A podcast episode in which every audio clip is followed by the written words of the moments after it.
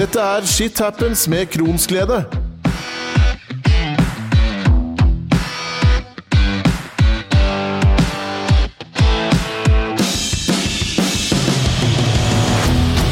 I dag skal vi prate om et tema det har vært en stor interesse om. Det hender jo at jeg henvender meg til lyttere og følgere av sosiale medier, så de kan delta med både spørsmål, eller kanskje komme med ting de ønsker vi skal ha, eh, prate litt mer om i spesielle episoder. Og jeg tar ikke i når jeg sier at det tok helt av. Spørsmåla hagla inn, men også personlige historier om liv som er satt på vent, håpløshet og mangel på forståelse, og mennesker som er i dype kriser. Dagens tema er fatigue og IBD. Men for å ha sagt det med en gang, du trenger ikke å ha IBD for å ha nytte av denne episoden. For kronisk sykdom, uavhengig av hvilken, gir mye av det samme likhetstrekkene i forhold til fatigue eller utmattelse, som det også er kjent som. Og med meg som gjest er jeg heldig å ha med meg Tore Grimstad. Velkommen til deg. Tusen takk. Du er lege og kan mye om IBD og fatigue. Kan ikke du introdusere deg selv da, før vi starter? Jeg er 53 år, eh, gift, eh, to voksne barn, og arbeider som overlege ved gastroenterologisk seksjon ved Stavanger universitetssykehus. Har en bistilling eh, som førsteamanuensis ved Universitetet i Bergen. Og har vært interessert i IBD i alle fall i 15 år. Tok ph.d. i 2013 på et tema innen ulcerøs kolitt, og ble hva skal vi si, rekruttert til Fatigue-feltet i et postdoktorprosjekt fra 2014 til 2019 Eh, og der temaet var fatigue ved IBD. Og eh, da jobba jeg tett sammen med professor Roald Omdal i Stavanger, som har studert fatigue en årrekke i forbindelse med revmatiske sykdommer. Mm. Så konseptet eh, vi legger til grunn, er jo at fatigue har et biologisk grunnlag. At immunsystemet har en viktig rolle når fatigue oppstår. Mm. Og ehm, jeg syns jo at det er et veldig interessant felt, men det er komplisert. Og det er mye som er uavklart. Mm. Og i våre studier så har vi jo inntrykk av at dette har vært et undervurdert fenomen i mange år, og egentlig underrapportert og litt oversett. Men det har fått, en klart økt oppmerksomhet de siste årene. Kanskje de siste tre til fem årene så ser vi en klar økning i publikasjoner og, og økt fokus på denne plagen. Og det tror jeg kanskje veldig mange av oss pasienter er glad for. For det er jo veldig mange som har følt seg eh, kanskje både mistrudd eller ikke trudd i det hele tatt. Sånn at, eh, eh, at dette blir mer fokus på, er jo kjempebra. Eh, det mange lurer på, da, er jo hva er egentlig fatigue? Og hva er forskjellen på fatigue og det å være vanlig sliten? Ja, altså fatigue, Nå snakker vi om fatigue i forbindelse med kronisk betennelsessykdom, slik som IBD. Det kan defineres som en helt overveldende følelse av tretthet, utmattelse og energimangel. Og det går jo dypere og videre enn eh, vanlig hva skal vi si, fysisk slitenhet etter hard trening eller etter en slitsom dag på jobben. Det er, no, det er noe, mer enn det, og, og, det er typisk at det hjelper liksom ikke med å hvile litt ekstra for å bli bra av IBD-fatigue. Mm. Så det er vel den vanligste definisjonen, den overveldende følelsen. Ja, jeg pleide å si det at uh, jeg sleit med dette før. Jeg er veldig heldig nå og ikke har det, har det sånn. Etter, etter, å ha blitt kjent, mer kjent med, meg, kroppen min, egentlig, og så finne ut av hva som funker for meg. Men uh, jeg husker at uh, bare det å kunne å gå fra et rom til et annet, var nesten Altså, det var uoverkommelig. Så jeg valgte istedenfor å, å gå, da, og bare sove der jeg var. Fordi at jeg, jeg hadde ikke krefter til å komme meg videre. Um, og det gjør man jo hvis man er vanlig sliten. Da er jo ikke det noe problem. Da klarer man å komme seg inn på soverommet eller inn på sofaen. Ja, det, det er jo eh, ved, siden av liksom denne utmattetheten, så er det jo disse mentale aspektene. ikke sant? At man, man kan føle at man får hjernefrys eller mm. hjernetåke. At det er slitsomt å tenke, det er slitsomt å konsentrere seg. Det, det, du er liksom i en eh, boble der det er Man orker lite og ingenting. Mm. Det er klart det er, har en betydelig konsekvens for livskvalitet, og noen føler at de ikke klarer å jobbe som vanlig. altså Det får sosiale konsekvenser, det påvirker eh, mange aspekter i livet, rett og slett. Mm. Eh, og, det jo, og, det er jo, som sagt mange som rapporterer at fatigue er blant de viktigste eller vesentligste plagene ved hele IBD-tilstanden. Mm. Så um, det, det, har fått økende fokus i forbindelse med IBD-håndtering og IBD-behandling. I nyere mm. studier så er man opptatt av å registrere fatigue på en helt annen måte enn man har vært før. Så det syns jeg er positivt. Ja. ja. det er kjempebra, rett og slett. Men så brukes jo også fatigue og utmattelse litt sånn eh, om hverandre. Eh, er det allikevel forskjellig, eller er det ett og samme ord? Ja, altså, vi har, ja, det, vi har vel ikke noe veldig godt norsk ord for fatigue. Og som jeg nevnte i denne definisjonen, der snakker man om tretthet og utmattelse. Det er det nærmeste man kommer på norsk. Men fatigue kan jo romme så mye mer, som jeg var inne på. Altså, du har dette mentale aspektet. Det, du kan ha, noen snakker om flere dimensjoner av fatigue. Altså du kan ha mental fatigue, du kan ha fysisk fatigue, perifer fatigue, sentral, eh, muskulær fatigue. Altså det kan være mange ulike typer som inngår i begrepet, mens andre snakker bare om en en generell fatigue som omfatter alle disse komponentene. da. og Alle disse dimensjonene. Og, og, I min forskning så har vi valgt en sånn en generell fatigue-tilnærming. da. At det, mm. det, det, inneholder mange komponenter. At det, tror jeg mange kan kjenne seg igjen i. Det er jo ikke bare dette her med, med å være eh, trøtt og sliten. Eh, det er jo veldig mange som har eh, um, snakka mye om at de kan miste ord, ikke sant? ikke vet helt hva de mm. skal si. At de føler at uh, ja, hjernen er litt sånn Det snakka du om også, det man hjernefrys. Men, um, og Sjøl hadde jeg en periode hvor jeg ikke huska hvor jeg hadde lagt ting. Eh, og hvor du nesten kan bli redd for at du skal ha demens. ikke sant? Fordi at man, man glemmer så enormt mye. Um, og jeg husker Mannen min i den perioden hvor jeg var verst, han var rett og slett bekymra for at uh, det var noe alvorlig gærent. For jeg var ikke meg sjøl i det hele tatt. Nei, det er klart at det påvirker, det påvirker, en, helt, eh, det påvirker en på en helt annen måte enn bare å hva skal vi si, trøtt og slapp i kroppen. Mm. Og, og, det er noe annet enn en hard arbeidsøkt. altså. Det påvirker ja. mange flere aspekter. Mm. Men så er det jo litt individuelt da, hvilken type eller hvilken dimensjon som, som uh, hva skal vi si, rammer uh, den enkelte. ikke sant? Som du mm. sier, noen kan føle det vanskelig å finne ord og, og samle tankene og, og, rett og slett konsentrere seg. Så, så ja. Det er litt, det er litt individuelle uh, variasjoner også i hvordan man opplever dette. Og så er det en rekke faktorer som kan påvirke hvordan man opplever fatigue. Men det kommer, vel, det kommer vi litt eh, inn på etter hvert. Det gjør vi. Vi vet jo at det er nærmere 50 000 med IBD i Norge i dag. Eh, tallene viste jo at eh, det er flere og flere som også får IBD-diagnosen nå enn hva det var for bare noen år tilbake. Vet vi noe om hvor mange av disse som har en fatigue-diagnose i tillegg?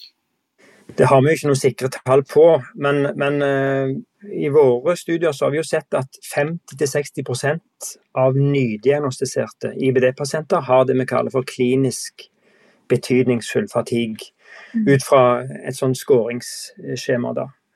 Um, og, og, noen har rapportert opptil 80 uh, som har fatigue uh, når man har aktiv sykdom. Så er det litt lavere tall i, i remisjon. Eh, når man er i hvilephasen av sykdommen, da er det kanskje 20-40% som opplever at de har det vi kaller for klinisk betydningsfull fatigue. Så hvis vi skal ta alle, alle, i Norge med IBD, så er det noen som har aktiv sykdom, noen har remisjon, så kanskje det, tallet er en plass mellom 20 og 50 hvis jeg skal mm. anslå noe. Og Det er ganske mye, da. Det er ganske mye, ja. Så vil det jo mm. være litt variasjoner, tenker jeg. Altså, det er jo ikke slik at alle går og kjenner på en betydelig fatigue hver dag, men at, at, en stor andel er borti det fra tid til annen og har mm. perioder, det er jeg overbevist om. Mm. Så dette er jo et uh, hyppig forekommende symptom eller fenomen. Mm. Det er det. Men hvordan stilles så den eh, fatigue-diagnosen, da? For det er jo eh, Er det noe man bare Eh, skjønner, eller? Ja, ja nei, ja, det er allerede her er diskusjonen i full gang i, i fagmiljøet. Det finnes jo ingen standard diagnosemetode for fatigue i dag. Og, og, fatigue kan jo påvirkes av en rekke faktorer, og, og, hvem har ikke følt seg litt trett og sliten eh, til tider, ikke sant? Mm. Men det er viktig å være oppmerksom på dette hos IBD-pasienten. Eh, fatigue er jo et symptom. Det er jo en ulempe at de ikke bare kan ta en blodprøve og se aha, den verdien er for høyt, du har fatigue. Det, man må bruke et spørreskjema. Og det er et virvar, altså det er et eh, konglomerat av eh, ulike spørreskjema som brukes. Over 200 skjemaer fins. som man kan registrere fatigue. Og Det sier jo noe om at det ikke er noe stor enighet i fagfeltet om hva som er best. Og, og man kan snakke om at, dette, at man har eh, flerdimensjonale skjema der man registrerer ulike typer eller dimensjoner av fatigue. Og så har man endimensjonale som bare registrerer generell fatigue. Hos oss så, så syns vi at et eh, skjema eller et instrument som heter eh, visuell analog skala, er kanskje en av de enkleste måtene å måle fatigue på. Fordi det som jeg ikke vil anbefale, det er jo liksom dette her å spørre er du, er du trøtt og slapp, ja eller nei. Det er jo en veldig unøyaktig måte å kartlegge og stille diagnosen fatigue på.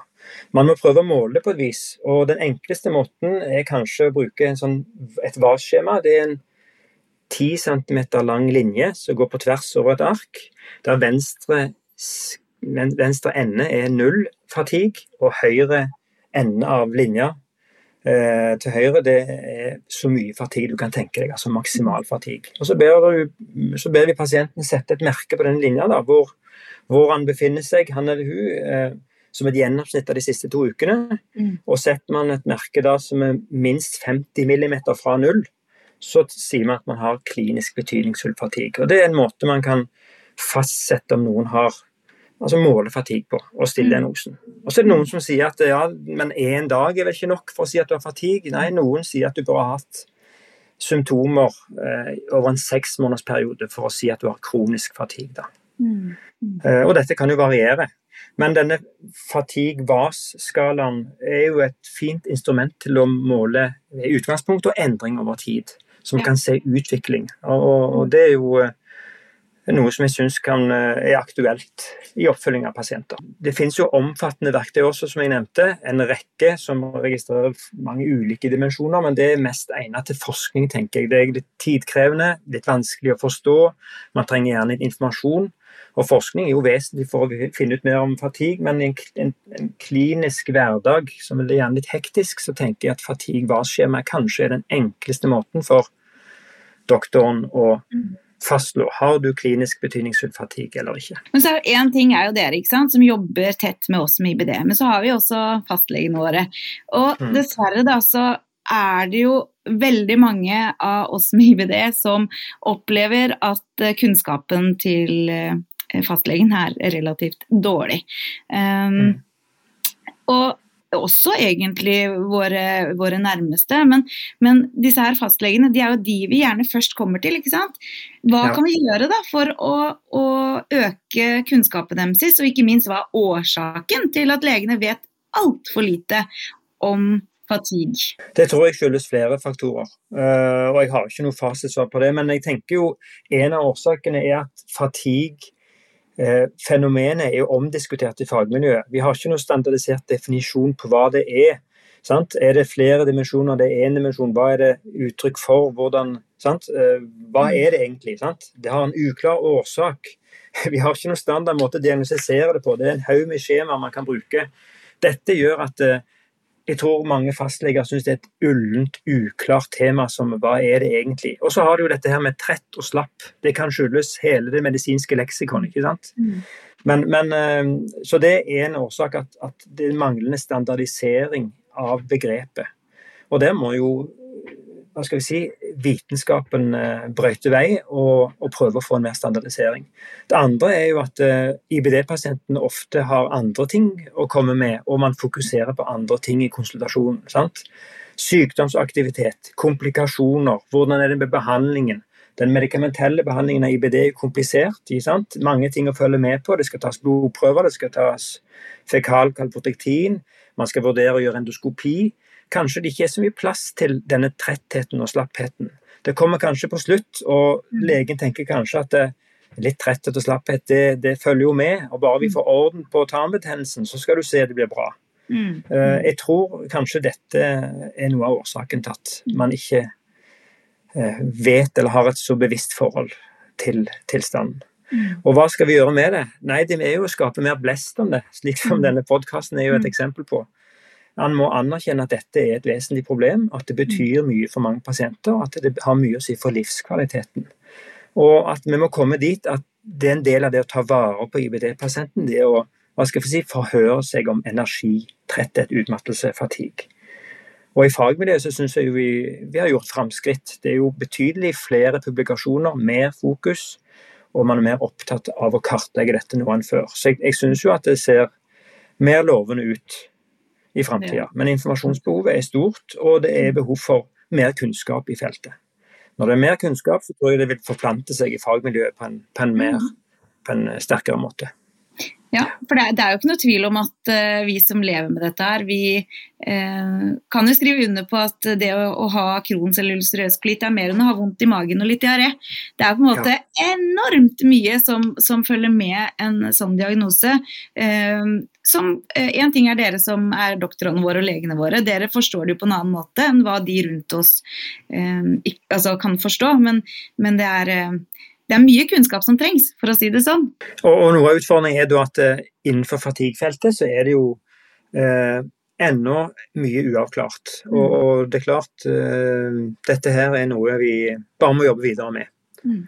Men jeg syns vi er på rett vei, altså. Det har blitt mer fokus i fagmiljøet på, mm. på dette fenomenet. Og så har jo jeg da på forhånd eh, snakka eh, i sosiale medier om dette her, eh, om at du skulle komme på besøk. og Det er jo flere som har sendt inn spørsmål og, og sånne ting. og En følger fortalte at du på kontroll hos sin gastrolog fikk beskjed om at når eh, tarmen var i remisjon, så var det helt umulig at hun kunne slite med fatigue-symptomer. Eh, og da tenker jeg, Stemmer dette her? Er det virkelig så enkelt at fatiguen bare forsvinner idet magen stabiliserer seg? Um, for hvis du spør pasientene, da, så tror jeg ikke det er helt sånn vi opplever at det fungerer. Nei, jeg skulle ønske det var så enkelt. Og, mm. og jeg tror nok mange har satt en veldig klar eh, sam, eller tenkt at det er en veldig klar sammenheng mellom sykdomsaktivitet og fatigue. Og at hvis man bare behandler vekk tarmbetennelsen, så vil fatiguen forsvinne. Men det er dessverre ikke så enkelt. Det ser jo ut, altså Forskningen sier jo at det ser ut til å være en sammenheng mellom det å ha aktiv sykdom, da har man mer fatigue, og at fatigue ser ut til å reduseres en del, kanskje halveres, når man, eh, når man får vekk eh, inflammasjon eller betennelsen og kommer i det vi kaller for remisjon. Men det er jo en kjensgjerning at det fortsatt eh, er en del som sliter med fatigue, selv om man ikke finner noe tegn til betennelse. Mm. Så vi tror jo at aktiv betennelse eller aktiv sykdom betyr en del og, og er noe av fundamentet for, altså, for, at fatigue oppstår. Dette med betennelsesreaksjon, betennelsesmolekyler, at det er med å, å drive fatigue, men det er ikke hele forklaringen. Og her, eh, En av de største utfordringene er jo den delen av pasienter som er i remisjon og fortsatt har fatigue. Hva skal vi gjøre med de? Og Her er vi avhengig av ny forskning og ny kunnskap. Mm. Eh, så det er dessverre ikke så enkelt, nei en god del har fatigue selv om sykdommen ser ut til å være i hvile. Immunsystemet er nok ikke i hvile likevel, skjønner du. Og der tror jeg noe av forklaringen ligger. At du har en, et aktivt eh, immunsystem selv om sykdommen er i remisjon, og det er med å opprettholde denne fatiguen. Ja, og Dette leder jo egentlig videre til, til neste spørsmål. for eh, Hva tror dere som jobber med dette, her da, er årsaken til fatigue hos eh, IBD-pasienter? Ja, der er det jo mange teorier. Og det er klart eh, Vi tenker at fatigue er Altså vårt konsept er at vi tror fatigue er en del av en forsvarsmekanisme eh, basert på immunsystemet. Eh, denne forsvarsmekanismen kalles for sykdomsatferd. Og det er noe som er bevart gjennom evolusjonen vi tenker oss i tusener av år hos mennesker og dyr. Og dette er en respons som eh, utløses ved en infeksjon. Og Et typisk eksempel er jo f.eks. influensa. Hvis man får skikkelig influensa, så vil de aller fleste føle seg helt skutt. Du orker ingenting. Og da får du det vi kaller for sykdomsatferd. Du blir slapp og trøtt. I høyeste grad føler du fatigue. Du har lyst til å trekke deg tilbake, legge deg på sofaen, være asosial. Jeg har ikke så lyst på mat, ikke lyst på å drikke. Kan være nedstemt og liksom lei og gå på lavgir. Og Fatigue er da en vesentlig del av denne sykdomsatferden. Og Hensikten sånn evolusjonsmessig tenker vi jo det er for å bedre overlevelsen. I riktig eldgamle tider, når vi var ute og jakta og kriga, så, så, er det ikke vanskelig å forstå at har du en infeksjon i kroppen, så var det rett og slett farlig å gå ut og jakte og krige. Du risikerte å, å stryke med. Så kroppen sier da fra at OK, nå er du syk, nå bør du hvile, isolere deg, Eh, komme til hektene igjen før du skal ut i krigen igjen. Og, og, og det typiske da, når infeksjonen er bekjempa, influensaen, så går immunresponsen eller aktiviteten tilbake, og man får tilbake kreftene. Ved en kronisk betennelsestilstand som IBD, så tenker vi da at denne sykdomsatferden opprettholdes, egentlig på falskt grunnlag. At immunsystemet mangler litt den av-knappen. At det er en fortsatt aktivitet og en drive der, som en overfølsomhet på en måte, mm. som gjør at eh, de, altså, denne sykdomsatferden blir altså fortsetter. Man fortsetter å føle fatigue selv om det ikke er noen infeksjon som skal bekjempes. Immunforsvaret slår på en måte litt feil, og dermed så blir det en plage og et problem. Da tenker man at fatigue kan dempes med å dempe aktiviteten eller immunresponsen. Men som sagt, selv om man eh, kommer i remisjon og ikke det ser ut til å være så mye betennelsesaktivitet, så er det sannsynligvis signalveier mekanismer i immunsystemet som likevel driver fatigue. Mm. Og, og da, da, blir det veldig spekulativt hva som er årsak til det, og det kan vi snakke lenge om. Men, men, i tillegg til selve immunresponsen, så kan det også være genetiske faktorer. altså arve, arvelige faktorer som er med å bestemme hvor mye fatigue den enkelte opplever. Hvis eh, den ene får influensa, så blir hun eller han kanskje veldig slapp, mens en annen ikke blir fullt så slapp. Og det kan ha med arvelige faktorer å gjøre, hvor, hvor mm. sterk respons du får. Og så I tillegg så er det jo en haug med faktorer som påvirker den endelige følelsen av fatigue. Du har dette med vi tror sykdomsatferd, og så er det en rekke faktorer på toppen av det som, som er med å påvirke fatigue Så det er komplisert, dette her.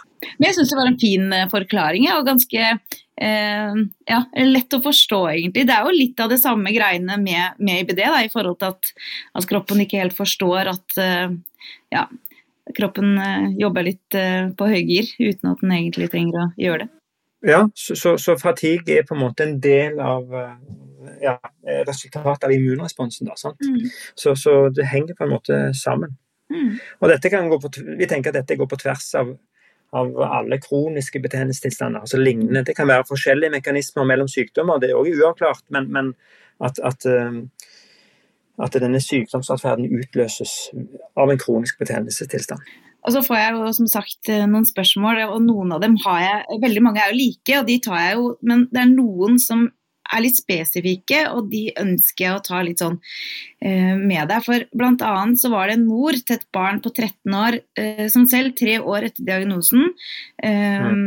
og sykdommen var egentlig stabil og god, så sliter barnet med mye, mye fatigue, og da spesielt på vinterhalvåret. Eh, er det noe dere har erfaring med, lurte den moren på? Ja, altså for det første, fatigue som vi har sagt, kan dessverre være et problem selv om man ikke har noe påviselig aktivitet av sykdommen. Eh, og hvis vi skal måle fatigue, så måler vi ikke årsaken til det. Slik at eh, man kan bruke sånn fatigue-basskjema og finne betydelig grad av fatigue uten at det nødvendigvis skyldes IBD. Mm. Så vi har, jo ikke, vi har jo ikke noen god metode for å si at aha, dette er IBD-fatigue, eller dette her er hva skal vi si, vinterdepresjon. sant?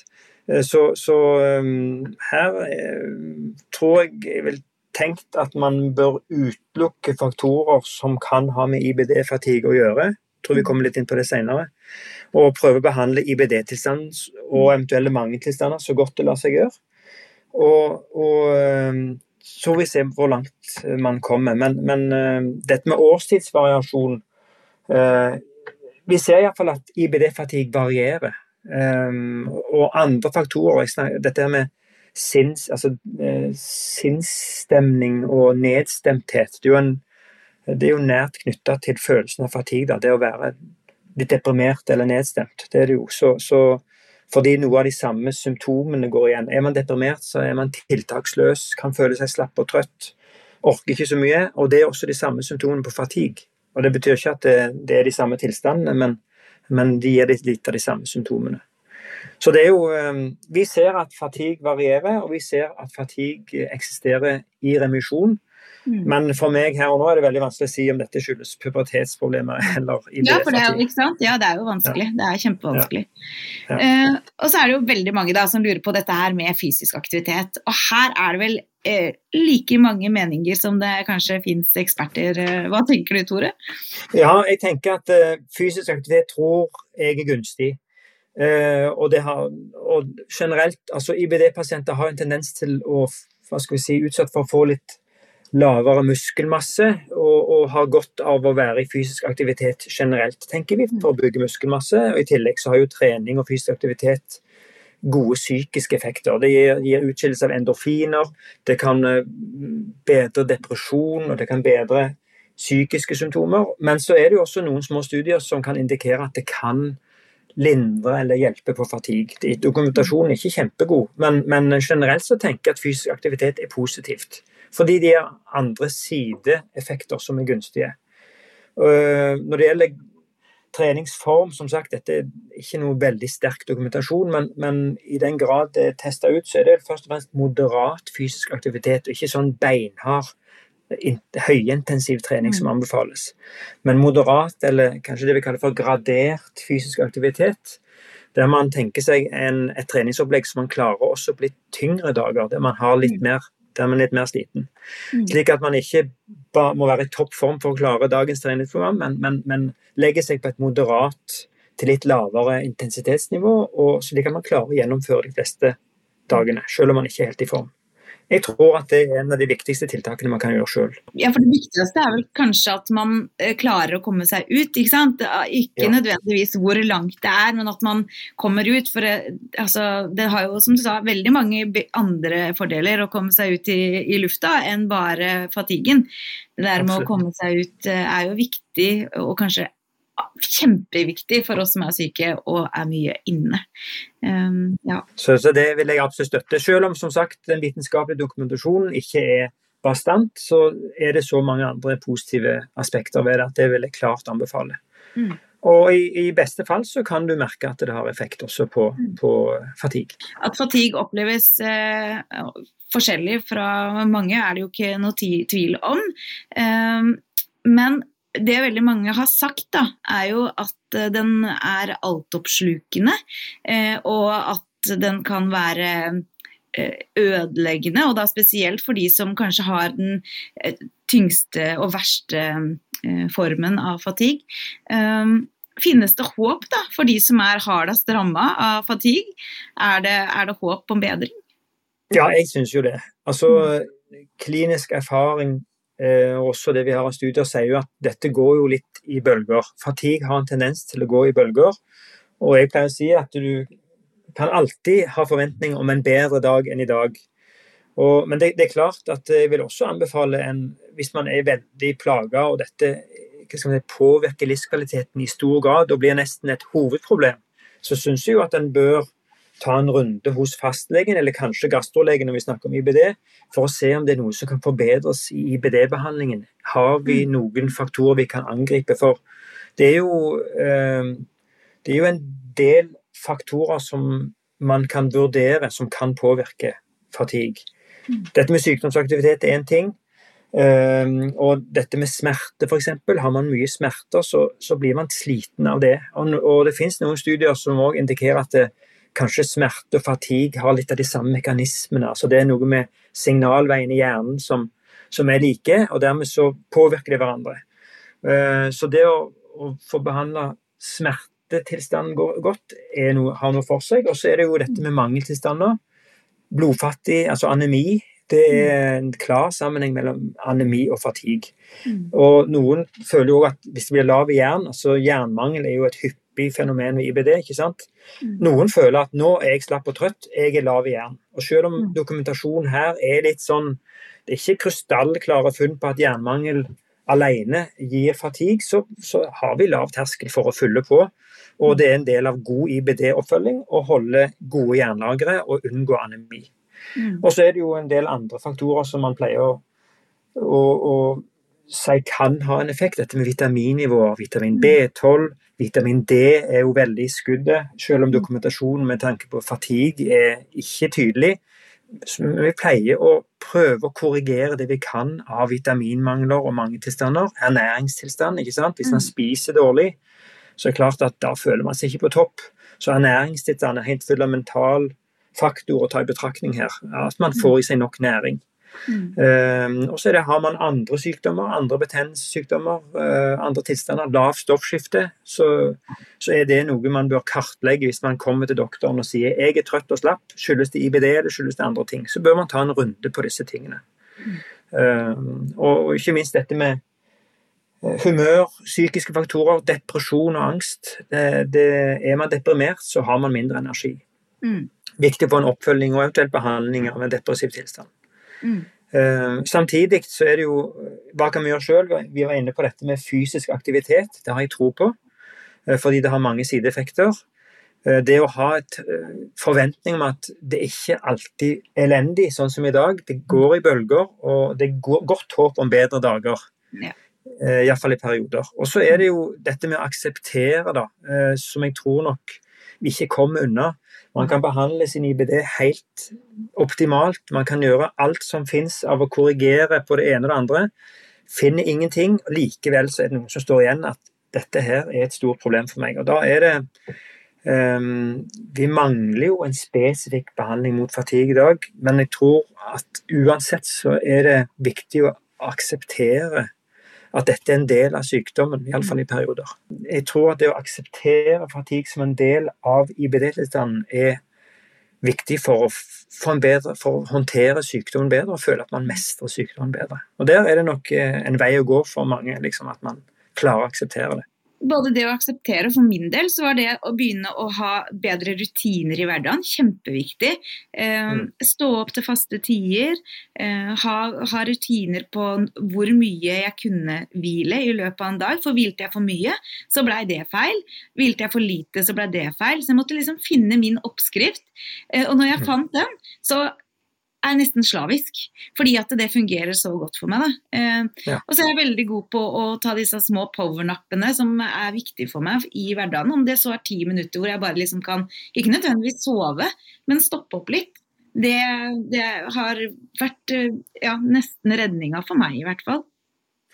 Jeg- Ja, jeg tror det du sier om at du må tillate deg en timeout, det syns jeg også er viktig å komme med her. Altså En ting er at eh, hvordan man håndterer og mestre og hva skal vi si, bekjempe fatigue og få den bedre. Jeg, jeg tror vi må innse at uh, det er umulig å bli helt kvitt dette fenomenet per i dag. Det er noe man til dels må leve med, og da er spørsmålet hvordan man, eh, man håndterer det. Uh, Og jeg tror på tunge dager så kan det være slik at uh, man trenger en timeout. Det kan være Mm. man trenger en sykemeldingsdag av og til. For dette her er jo ikke noe man går rundt og innbiller seg. Dette her tror vi det er en biologisk det er biologiske mekanismer. Det er immunsystemet som er aktivert. Det er en forklaring på dette her. Det er ikke noe man bare hva skal vi si, Det, skyldes ikke giddeløshet eller dårlig motivasjon. Slik at eh, jeg syns jo Trenger man en timeout, så kan det være grunnlag for det av og til. Bare for å ha sagt det. Og, når, når, og da egentlig når du sier det, så tenker jeg at neste spørsmål mitt er egentlig litt viktig. For til felles da, for veldig mange av de som har tatt kontakt med meg, så er jo dette med kunnskapen til fastlegen. ikke sant? De ønsker jo mer kunnskap eh, hos fastlegene. fastlegen. Og det er jo gjerne de vi kommer til, da.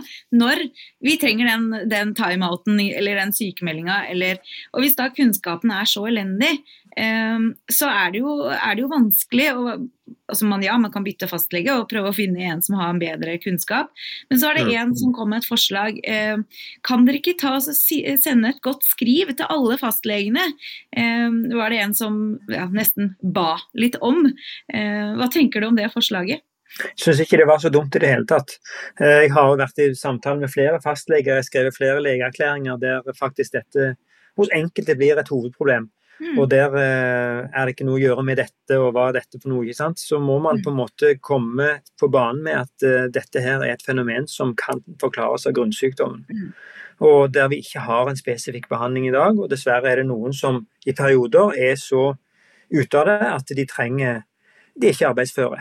Det Mm. påvirker arbeidsevnen. Så, så um, jeg, sam, ja, samtidig så, så Det er klart at det, det å slippe dette helt løs, ikke sant.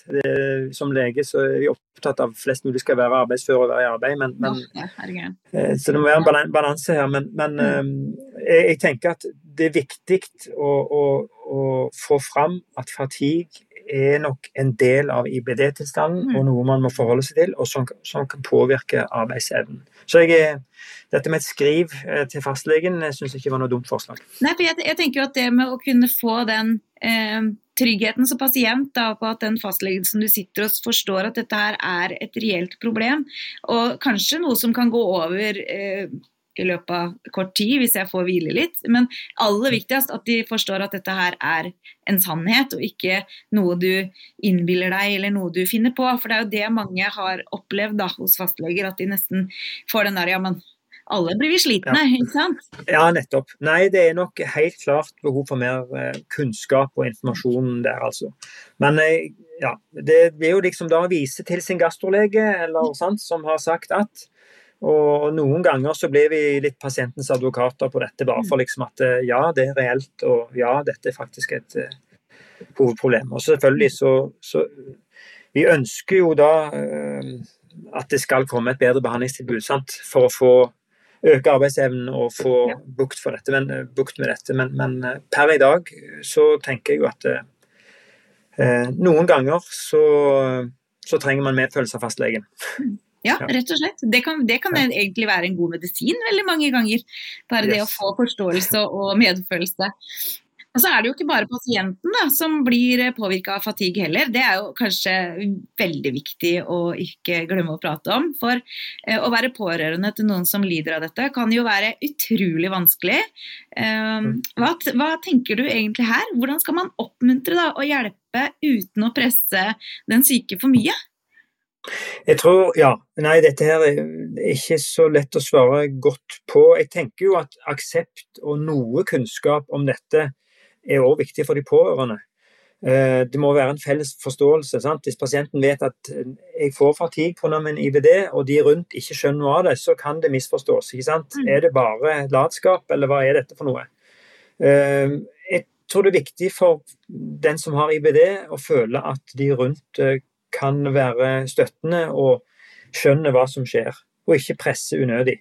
Og, og, som jeg sa, noen ganger så kan det være at man eh, ikke har eh, den kapasiteten man gjerne vil ha, og ikke orker å være med på de tingene man vil, enten det gjelder arbeid eller aktivitet eller hjelpe til hjemme eller hva det er.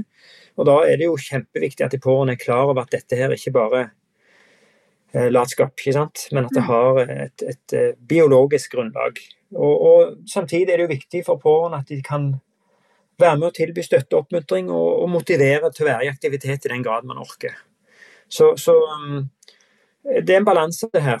Eh, forstå hva som skjer, og prøve å være en konstruktiv støtte uten å presse for hardt. Jeg tror kanskje ofte at eh, pasientene sjøl eh, kan presse seg for hardt og, og, vil gjerne at dette ikke skal være et problem. ikke sant? Og så mm. kan det ende med at man kjører seg litt i grøfta. Det er jo den der maska, ikke sant. Og så den der ønsket om. Eh, jeg har pleid å si det, og det har blitt veldig mye sagt i det siste, men vi later jo ikke som vi er syke, vi later som vi er friske. Og den tror jeg ja. veldig mange av oss eh, kjenner oss igjen i. Vi skal eh, litt til. Vi skal prøve litt hardere. Vi, vi, ønsker jo at vi skal være som alle de friske, ikke sant. Mm. Um, og, det, det, og, nettopp det, da, at vi ønsker å være friske, kan jo også føre til en del misforståelser blant venner, bekjente, friske som ikke helt vet hva både IBD og fatigue er. For um, hvis man f.eks.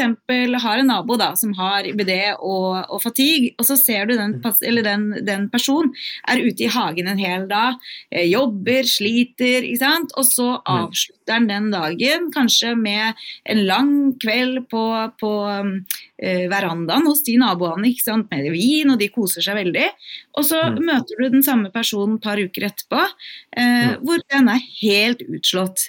Ja. Det er veldig lett for den naboen å tenke at eh, nå gjør den personen seg til, ikke sant? for dette her kan jo ikke stemme. Den var jo, Jeg vet jo han kan, eller hun ja. kan. Jeg så jo han var ute en hel dag. Det hadde ikke den personen orka hvis at den hadde fatigue. Kan eh, åpenhet fra eh, personen med IBD og fatigue være en idé, og kanskje ekstra viktig i de situasjonene der? Ja, jeg tror åpenbart at det, det er viktig å være åpen, iallfall overfor de nærmeste. Det er klart, mm. som vi er inne på, for at de pårørende skal kunne støtte og være, skjønne hva som skjer, så jeg tror jeg det er en fordel å være åpen med IBD-tilstanden, og at det følger fatigue med i perioder. Og utover det, når du snakker om naboer og sånn, så er det jo litt opp til den enkelte. Men, men, generelt så tror jeg selvfølgelig det er positivt at flest mulig har kjennskap til at dette med fatigue er et sentralt element i mange kroniske betennelsestilstander. At det kan gå opp og ned, og at man har dager der man er helt utslått. Og det skyldes rett og slett sykdommen. Den immunologiske sykdommen man har. Og at dette er på en måte kroppen som eh, sier fra at nå går det på lavgir, og at man ikke kan på en måte eh, overstyre det sånn psykisk og motivere seg opp. Ehm, jeg tror at ehm, det at flest mulig får kunnskap om dette, eh, gjør det litt lettere å leve med for den som har det, og, og, og kan gi bedre livskvalitet og, og, hva skal vi si da, føle til en en bedre mestring. Når man klarer, hvis, hvis andre rundt en kan akseptere det, så er det lettere for en sjøl også. Jeg kan jo huske når jeg var liksom på det verste, at jeg ikke turte å dra på kino i redsel for at noen skulle se meg. Fordi jeg var så redd for at de da skulle se at jeg hadde det så bra eh, ja. den dagen. Eh, ikke sant? Og så har jeg jo det dårlige en annen dag. Og sånn er det jo veldig mange. Jeg er ikke der lenger nå, for jeg mener at det er på tide at vi skal få Er det noen som virkelig fortjener å ha det bra de dagene vi har det bra, så er det jo i hvert fall vi som lever med disse sykdommene her. Eh, ja. de, disse gode dagene betyr jo så sinnssykt mye for oss, ikke sant. Mm. Um, men jeg har hørt om, uh, om unge mennesker også som ikke er uh, med på ting fordi jeg er veldig veldig redd for eh, hva andre skal si. Og, og, det er jo kjempetrist. Og det er klart, igjen så kommer vi tilbake til dette med informasjon og kunnskap da, i, i fagmiljøet og hos pårørende og sant, i kretsen rundt at eh, det er en kronisk sykdom som eh, rammer tarmen eller uh, ledd eller hva det er, sant? men mm. også har et hva skal vi si, påvirker hjernen, rett og slett. Og gjør at man har dager som kan være, eller perioder som er veldig tunge og som man ikke får gjort så veldig mye med, men må ta hensyn til det. At man får aksept for det. Det tror jeg jo er den rette veien nå. Og det målet vi jobber mot. Ja. En økt forståelse for det. Ja. Om det er noen som hører på oss nå, Tore, og som selv mistenker at han eller hun har fatigue, hva bør eh, han eller hun gjøre? Det er klart at Fatigue skyldes jo en rekke faktorer. og Nå snakker vi jo ikke den der enkelte dagen man er litt trøtt og slapp, for hvem ikke det, nå på vinteren osv. Men hvis det er en overveldende følelse som, man, som påvirker livskvaliteten over tid, så, og man har IBD ikke sant, i den gruppen vi snakker om, så ville jeg jo uh, tenkt på å tatt en prat med ja, kanskje gastrolegen, sant, som er den som har med IBD å gjøre, eller fastlegen, og gjøre en kartlegging. Hvor mye fatigue har jeg? Kan vi måle det med en fatigue hva-skala? Er den på 80? sant? Så har du en betydelig fatigue, og da kan du gi det et tall eh, og si at ja, dette her eh, har sannsynligvis en stor eh, påvirkning av hva skal vi si, din, din livskvalitet. Og så bør en kartlegge da, som jeg nevnte, er det noe å gjøre med disse utløsende faktorene. Er det noe å gjøre med sykdomsaktivitet, mange tilstander og dette? At man tar en runde på det. Så må man korrigere det som mest man gjør, og i fellesskap med legen sin legge en plan for hvordan man skal håndtere dette. Mm. Er det aktuelt å trene? Er det aktuelt å snakke med noen? ikke sant? Har dette fått liksom uh, Er man påvirket? Har man blitt deprimert? Er det, er det, har det gitt sånne følgekonsekvenser at man uh, blir nedstemt og deprimert av dette? Er det aktuelt å med samtale, ikke sant? Mm. Uh, man bør prøve å legge en plan sammen med, med legen sin og sette ord på dette. her. Det er jo punkt én erkjenne at ja, fatigue er et problem for meg. Punkt to hva kan jeg gjøre med det? Og da må man snakke med legen sin. Mm. Og, og, selv om Hvis fastlegen ikke har helt kontrollen, så tenker jeg at IBD-legen har litt mer kontroll, og iallfall mm. kan utelukke noen faktorer som kan spille inn. Ja, og Du har jo vært inne på hvor viktig det er å akseptere sykdom. Eh, og det, det, er jeg jo absolutt helt eh, enig med deg i. Det der med aksept for situasjonen du har kommet i, kan nok eh, gjøre det mye lettere da, å leve med eh, uansett egentlig hvilken sykdom du har, og gjøre, det, gjøre, at dagene dine blir enklere. Jeg pleier å si at et sykt liv er et annerledes liv enn et friskt et. Men annerledes det kan være ganske fantastisk om annerledes er det eneste alternativet en har. Eh, Og det tror jeg er eh, et av de tinga som jeg brenner mest for å få, få sagt til folk. For um, det har noe med fokuset vårt ikke sant? når man er syk. Fokuserer vi på alt det som er dritt, så blir det dritt. Fokuser, klarer vi å fokusere på alt vi faktisk kan få til, så, så blir det jo mye lettere. Men fins det noe eh, konkret behandling for fatigue da, Tore? Ja, nå har jeg vært inne på noen av disse faktorene som kan påvirke fatigue, som du kan korrigere. Men det jeg ikke har nevnt, er jo Det finnes noen studier på dette med løsningsfokusert terapi. Det er jo mer sånn eh, samtale med psykolog, da, der man eh, går gjennom kognitive aspekter, altså hvordan man tenker om det å ha fatigue. Det å ha en positiv eh, holdning til det, at det faktisk har effekt. Det å føle at man mestrer det å ha fatigue, det lindrer fatiguen. Iallfall så lenge man har en sånn terapi, da. Det er vist i noen studier, og så er det faktisk dette med biologisk behandling, eh, som i noen studier har vist seg å redusere fatigue. Og så er det jo usikkert om effekten skyldes at du faktisk demper betennelse og dermed reduserer fatigue, eller om den biologiske behandlingen virker direkte på fatigue-mekanismer. Det er uklart. Men eh, det er, i tillegg til eh, dette med fysisk trening, som jeg har vært inne på, så er det disse tre elementene som nevnes som behandling av fatigue. Så har vi håp om at framtiden skal eh, gi mer spesifikk behandling. Sant? At vi skal kunne mm. påvise spesielle molekyler eller signalveier som er aktive, altså med tanke på immunsystemet, og at vi kan få en slags egen biologisk behandling mot fatigue. Det er jo drømmen. Mm. Og, og, og det, er jeg, det, er det vi jobber mot. Før vi avslutter, så er det et spørsmål som jeg pleier å stille alle mine gjester. Um, har du et tips eller råd til alle de som lever med dette her, eh, Tore? Ja, altså jeg tenker um, Fatigue er vanlig ved IBD. Og det å jobbe for Det går litt, eh, blir litt gjentakelse, men det å på en måte akseptere at denne plagen fins, er mm. reelt, og prøve å møte det og akseptere det, uh, det tror jeg er eh, mitt beste råd. Det er klart, avklar om det er behandling å sette inn, men prøv å leve med plagene og ikke mot dem.